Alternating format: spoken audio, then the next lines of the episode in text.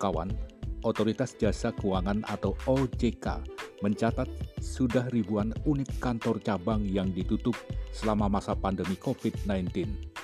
Pasalnya, kebutuhan layanan jasa keuangan menjadi brandless atau tanpa kantor fisik semakin meningkat di masa pandemi.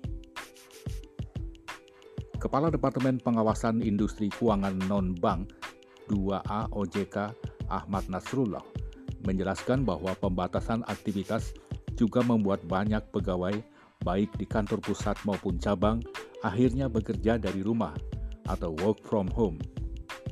Demikian kata Nasrullah dalam webinar Warta Ekonomi Celebration Digital Banking and Insurance.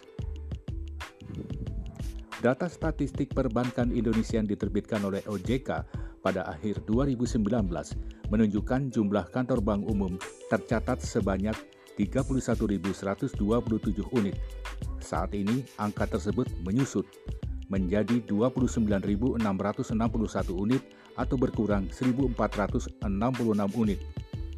Penutupan kantor cabang tersebut, kata Nasrullah, di antaranya karena pada saat pandemi, perbankan dan asuransi meningkatkan penjualan produk menggunakan teknologi atau secara online Selain itu, ada implikasi juga penutupan cabang dilakukan dengan alasan efisiensi beban.